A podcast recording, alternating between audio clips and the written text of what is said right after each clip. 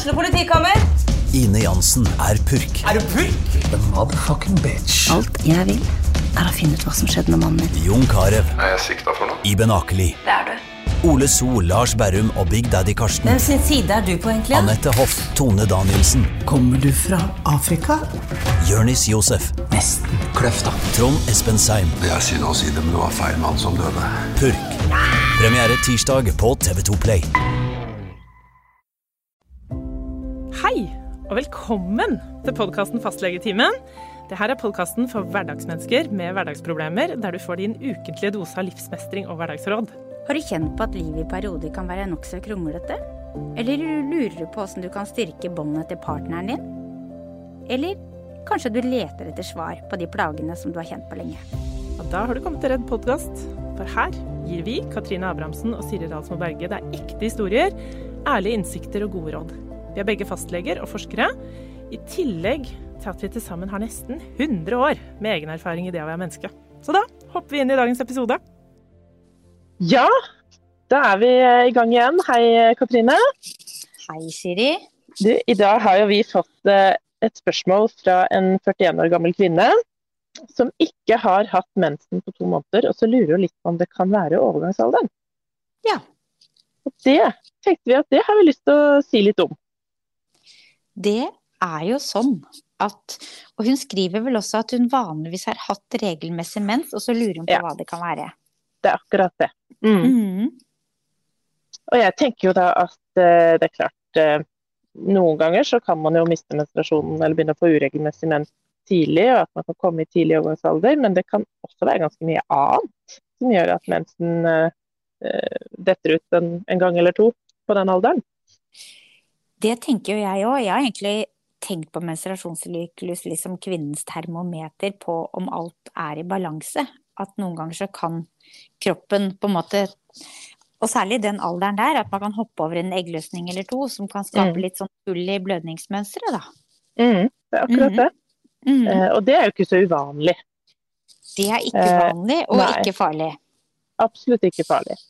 Eh, og jeg Men- tenker jo litt sånn at ja, no, noen ganger, nå skal vi ikke forklare alt her i livet med stress, men, men noen ganger så kan det jo være perioder, og kanskje særlig den alderen, som kan være litt krevende. Og da kan jo det være én årsak som, som kan være mulig.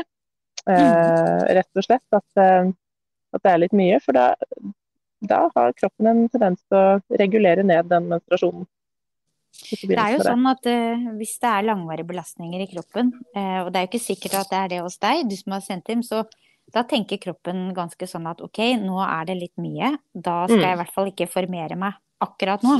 Mm, for det er jo rett og slett altså Der er jo kroppen egentlig ganske smart, da. Det er det den er.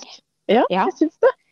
Eh, Så- Den tar litt hensyn til, den tar hensyn til hva vi har kapasitet til, rett og slett. Rett, ja, og det kan jo noen ganger være litt sånn at man kan egentlig ta det som et sånt signal på at ok, eh, på en liten sånn ryddeprosess i eget liv, da. Hva, Mm. hva er det jeg driver med nå, på en måte? Er det noe som trigger meg for mye? Er det noe jeg må ta bort? Er det noe jeg skal endre på? Mm. Eh, sånne ting. At det i hvert fall går an å tenke det. Og så tenker jeg jo at hvis det vedvarer, at menstruasjonen er borte i at det går over fire eh, fire-fem måneder, så er det jo greit å kanskje oppsøke fastlegen. Det er jeg helt enig i. Mhm. Det er klart at hvis det, hvis det varer, så, så er det Mhm. greit å ta en sjekk i hvert fall, på hva det kan være. Eller om det er noe For annet. Ja, for vi fikk jo et spørsmål til, Siri. Ja, det var jo en, en eh, ung dame på eh, Hun var 39 år, og hun kom i overgangsalderen da. Og hun gjorde hun? Var vel, hun var jo ikke, og skriver at det, det var en veldig eh, heftig tid, skriver hun. Hun hadde Hun skjønte ikke noe av det, og hadde mye sinneproblemer. Det får man jo ofte, at man kjenner seg ikke igjen. Det harmonerte ikke med personligheten min, sier hun, og gråt mye. Mm. og og, og følte at eh, hun var veldig ensom og, og aleine om det, da. Mm. Eh, så det er jo sånn at noen av oss kommer i en tidlig overgangsalder eh, og merker personlighetsforandringer. Ja, det er noen som gjør det. Mm. Og da, da er det jo eh, Altså, det er jo litt forskjellig hva folk merker, men det er jo litt det du sier, ikke sant. Som hun beskriver òg, det med at humøret kan endre seg litt, lunta blir kanskje litt kortere. Søvnmønsteret kan endre seg litt. Uh, Og det er klart noen får jo de her litt mer velkjente hetetoktene, og da er det kanskje litt flere som, som catcher hva som er på gang, da. Ja, Når de kommer. Det, det er nettopp det, men det er jo også Jeg må jo si at jeg har blitt mer oppmerksom på, på overgangsplager uten hetetokter. I hvert fall det humørforandringer, økt irritabilitet, økt sår, følelse av sårbar, og også faktisk kroppslige symptomer i form av stivhet i kroppen, mindre smidighet. Det er, kan også være et tegn på overgangsplager. Ja, det kan det. Og jeg Mhm. tenker litt sånn at hvis, hvis du som lytter nå, som hører på, er eh, ung i denne sammenhengen Yngre eh, enn oss, i hvert fall. Ja, litt yngre enn oss. Og tenker at, eh, at lurer på, altså Du kjenner igjen noe av dette her, og lurer på om det kan være overgangsalder som er på gang. Da er et triks å spørre eh, mamma, eller kanskje eldre søster, eller kanskje en mormor, eh, og høre litt når det her starta for de. Når var det de begynte fra? Det er jo en del arvelighet i det her. Det er det, vet du. Så det å vite når kvinnen i familien, når kommer vi i vår slekt i overgangsalderen? Eh, og det er ikke alltid de husker det. Men det er et veldig godt triks. Jeg er helt enig med deg, Siri. Eh, for det kan i hvert fall gi et tegn, da. Men hvis du da lurer på om du er i overgangsalderen, så kan du ta en time hos fastlegen. Men så er det jo sånn, da, Siri, at det tar jo Det husker jeg fall at vi lærte på doktorskolen, at man egentlig skulle være uten menstruasjon et år før man kunne få noe sikkert svar på om man Ja. var i overgangsalderen med blodprøver. Mm. Sånn at det, det fins ikke en sånn superblodprøve som, eh, som gir deg svar på de Nei, tidlige plagene. Det gjør det faktisk ikke. Nei, det gjør ikke det. For at poenget er at du kan vise kanskje at du, du ikke har hatt eggløsning på én måned, men neste måned så kommer menstruasjonen tilbake igjen, og så er vi like langt. Det er akkurat Så det. Men jeg Men tenker, hvis, ja, hvis du lurer, Mm. så kan det jo være av og til fint å ha en å diskutere litt med om det kanskje kan være det. Ikke sant? Eller om det kan være andre ting, for det hender jo også. Og så, ja, så tenkte jeg litt på det, Katrine. Hvis, hvis man nå får påvist eh, tidlig at man har kommet tidlig i overgangsalder, Ja. eh, så er det jo faktisk litt viktig å komme i gang med litt hormonbehandling.